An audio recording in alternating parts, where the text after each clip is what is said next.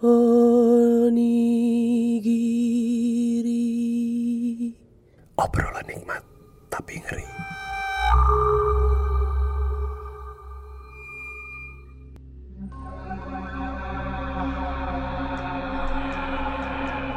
Halo, nama gue T, umur gue 26 tahun. Sekarang gue bekerja di salah satu digital agency media di Jakarta. Dulu gue punya banyak banget cerita serem. Begini ceritanya. Masih di tahun yang sama, tapi di semester yang berbeda. Jadi, kita anak-anak asrama itu selalu punya acara-acara yang mungkin eh, gimana ya bilangnya ya kita saking akrabnya sama senior kita tiap hari ketemu jadi ketika mereka mau lulus atau menuju kelulusan pasti kita bikin acara farewell namanya.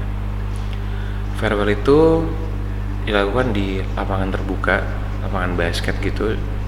Dia modelnya semi outdoor jadi bisa didekor lah. Nah hari itu kita main basket dulu nih so, dari sore sampai maghrib. Gue adalah orang terakhir yang pulang. Kenapa? Karena gue suka banget olahraga suka banget main basket.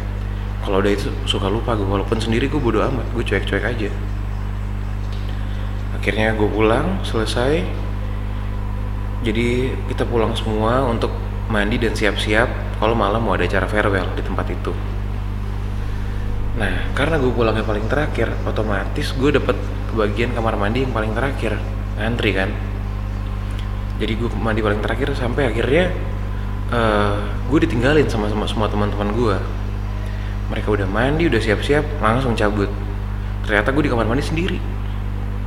Gue mandi sendiri, tapi ya tadi yang gue bilang gue orangnya cuek-cuek aja. Kalau ada bunyi ada apa, entah gue cuekin, entah gue samperin. Cuma itu pilihannya terus akhirnya setelah mandi gue sikat gigi gitu nah model tempat sikat giginya itu yang panjang lu bisa bayangin kayak tempat cuci tangan tapi banyak panjang dari ujung ke ujung. Jadi dia di balik kamar mandinya bukan di dalam kamar mandinya. Nah kebetulan itu belakangnya cuma jaring-jaring. Viewnya itu ke pohon dan ke kantin. Itu gue sikat gigi ngaca gitu sambil cuci muka sambil lap-lap. Gue ngelihat di belakang gue agak nyerong dikit itu ada yang ngintip ada yang ngintip gue ngeliat. Tapi namanya anak asrama kan gue mikir temen gue iseng. Pertama wah siapa nih mau nakut-nakutin gue nih? Mentang-mentang gue sering cerita gue digodain sama yang gitu-gitu gue mau digodain lagi sama teman gue nih. Akhirnya gue lihat pas gue pas dia lagi ngintip posisinya gini. Temboknya itu setengah badan manusia setengah ya mungkin sepinggang orang dewasa jadi ngintip tuh kayak anak kecil main petak umpet tau nggak? Matanya nongol sama rambutnya doang. Mu, kepalanya nggak kelihatan. Cuma matanya nongol rambutnya kelihatan gitu. Naik turun. Naik turun. Pas dia naik langsung gue nengok dari kaca gue nengok wih ada dong gue lihat.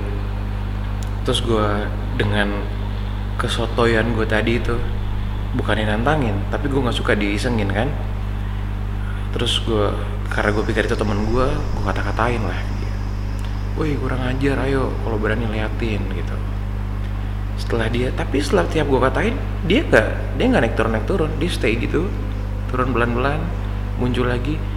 Gue baru sadar kalau temen kelas atau angkatan gue ngegodain itu kita tuh semua lagi kelas 1 kita semua tuh botak. Ini rambutnya belah tengah lu bayangin rambutnya belah tengah kulitnya putih ya udah matanya agak lancip gitu pinggirnya ekor matanya. Gue sadar wih gue nggak punya temen kayak gitu. Apa mungkin kakak kelas ya?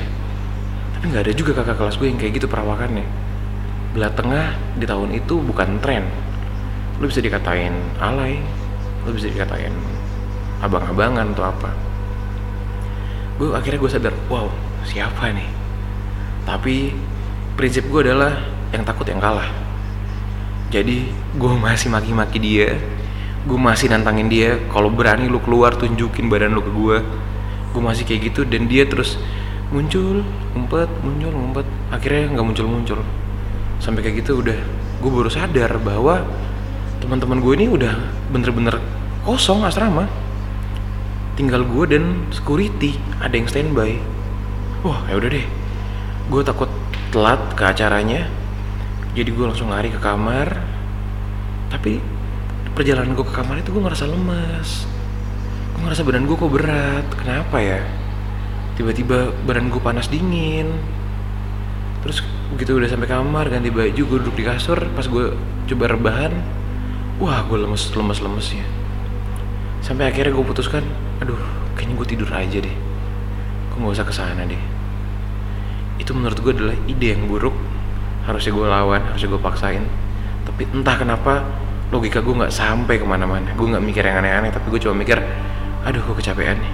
Gue pengen istirahat gue pengen tidur. Akhirnya gue izin ke pembina asrama dan security. Gue nggak ikut walaupun gue sebenarnya udah siap udah rapi udah pakai kemeja. Gue tiduran di situ. Dan ternyata hujan deras. Pas gue tidur itu hujan deras akhirnya gue kebangun karena suara petir dan geledek. Jadi tempat gue atau asrama gue itu terkenal dengan uh, gitu banyak bunyi-bunyi geledek-geledek gitu. Terus akhirnya gue bangun bunyi geledek gue kaget uh badan gue tuh kalau lu pernah ngerasain sakit atau capek digabung jadi satu nah badan gue kayak gitu tuh. Nyaris nggak bisa gerak. Sekarang gue cerita kayak gini leher gue panas banget nggak bohong. Terus jadi modelnya di asrama gue itu kalau di kamar tadi yang gue jelaskan ada dua bang bed atas bawah tingkat terus ada meja belajar masing-masing anak satu ada kursinya. Jadi kalau lu digangguin atau apa di sana tingkat yang paling rendah menurut gue yang paling gak serem adalah kursi itu gerak sendiri.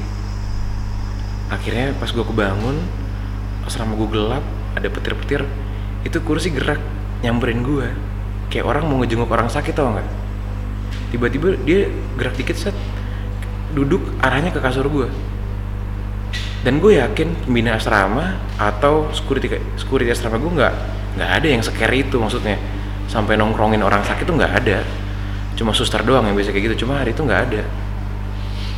Wow itu gue agak shock tapi ya tadi yang gue bilang lemes banget akhirnya gue coba nelpon orang tua gue gue ceritain bahwa tadi gue nantangin bahwa tadi gue gimana gimana gue dimarahin habis-habisan terus mereka nelpon ustadz lah atau orang pinter lah kalau di di Indonesia. Nah si orang itu ditelepon. Jadi posisinya kan gue tadi anak daerah nih. Orang itu tuh dia ada di jauh lah di luar pulau Jawa. Ini pertama kali gue ngerasain kayak film-film. Kalau lo pernah dengar atau lo pernah nonton ketika lo nelpon orang pinter lo belum cerita tapi dia udah cerita tapi dia udah tahu. Jadi pas gue bilang halo pak jadi gini itu kata-kata gue disambungin sama dia. Kamu ini ya belakang asrama kamu ada pohon ya? Di situ ada ini ada itu ada ini ada itu. Wah gue kaget dan merinding. Kok bisa ya? Gue nggak pernah percaya yang sama kayak gitu-gitu tapi baru kali ini gue ngerasa hidup gue kayak dalam film digituin sama dia. Gila sih. Udah akhirnya akhirnya gue speaker HP gue didoa-doain gitu lah segala macem lah. Gue suruh baca apa lah ayat-ayat Al-Quran gitu-gitu. Tapi uh, yang ya pokoknya intinya dari Al-Quran lah. Gue disuruh ambil Al-Quran doa-doa. Udah akhirnya gue abis itu gue coba tidur gue ketiduran. Teman-teman gue datang lagi udah malam. Nah udah tuh hari itu selesai tuh. Besoknya besoknya itu ambil rapot. Jadi kalau ambil rapot tuh sekalian liburan kan kita pulang. Wah gue seneng banget nih. Wah gue dijemput orang tua gue nih mudik nih akhirnya. Setelah setahun di asrama kan jemput orang tua gue mudik. Terus jadi uh, rumah gue itu sebenarnya kalau lo naik pesawat bisa ada yang direct ada yang direct flight ada yang transit. Waktu itu gue memilih yang transit karena gue mau mampir ke kota tempat bokap gue lahir gitu. Nah di situ ada satu lagi peristiwa yang lucu menurut gue gue sih bilangnya lucu ya. Jadi gue nginep di salah satu hotel. Hotelnya itu oke lah dekat mall hotel bagus bukan hotel tua jadi gue keluar makan malam sama bokap gue berdua doang karena cuma dia yang jemput gue terus pas pulang itu kita pulang udah agak maleman karena biasa kalau uh, anak cowok sama bokapnya tuh suka ngobrol lah suka ngapa-ngapain kan. Jadi gue pulang sekitar jam 10 jam 11 gitu. Cuma kalau di daerah itu jam segitu udah sepi banget. Nah kamar gue itu di lantai 4 kamar gue di lantai 4 terus uh, gue naik lift sama bokap gue di lantai satu eh sorry di lantai dua ada orang kalau gue jelasin tingginya agak pendek sih dia 163 165 cm tingginya. Orangnya agak gendut agak gemuk. Beratnya kalau di logika gue 80 kilo lah mungkin. Nggak mungkin 100 kilo sih. Jadi di lift itu kita bertiga bokap gue gue dan orang itu. Orang itu masuk pas liftnya naik itu liftnya tulisannya full. Full man lu bayangin lift hotel bagus yang bisa ngangkut 15 orang dengan kapasitas maksimal 1000 kilo plus plus gue nggak tahu pastinya berapa. Tapi itu full. Akhirnya gue nyolek nyolek bokap gue gitu. Pak pak pak pak gue arahin mata gue ke atas lift tuh yang ada nomornya. Atau tulisan fullnya bokap gue cuma cuek doang senyum gitu. Udah. Di lantai 4 gue turun orang itu masih lanjut lagi ke atas gue nggak tahu lantai berapa sampai kamar udah nih. Akhirnya gue cerita pak kok bisa ya? Ini nggak masuk logika gue bilang gitu. Karena gue selalu analogi gue itu ya pasti ada penjelasan ilmiahnya. Makanya gue bukan orang yang penakut. Terus kok bisa sih? Itu apa ya tadi? Itu orang bukannya gue bertanya-tanya kayak gitu tuh. Terus gue bilang ah nggak apa-apa tuh lewat doang. Udah kan? Terus akhirnya gue pulang nih ke rumah gue terus uh, karena gue udah pernah cerita yang kayak gitu dan tadi ada ustadz ustadznya akhirnya uh, gue di semacam dirukiah atau didoain lah. Tapi ternyata ustadznya bilang kamu tuh diikutin sampai rumah. Sampai sekarang ini masih ada di sini dia ngeliatin kamu karena kamu nantangin. Nah itu gue langsung nyambung ke belakang belakang belakang belakang dan gue dan gue keinget teman gue pernah bilang pas sambil rapat Tom kok lu bongkok sih lu kan lu anak paskip kan lu ini. Terus di lift kok liftnya full sih? Jadi semua tuh nyambung gitu loh. Artinya apakah gue ketempelan ya? Gitu. Dan akhirnya udah. Pengalamannya udah sih di tahun pertama segitu aja. Ternyata emang kita tuh nggak boleh nantangin. Karena kalau nantangin mereka seneng katanya. Tapi kita juga nggak boleh takut. Karena siapa yang takut siapa yang dia yang kalah onigiri. Obrolan nikmat tapi ngeri.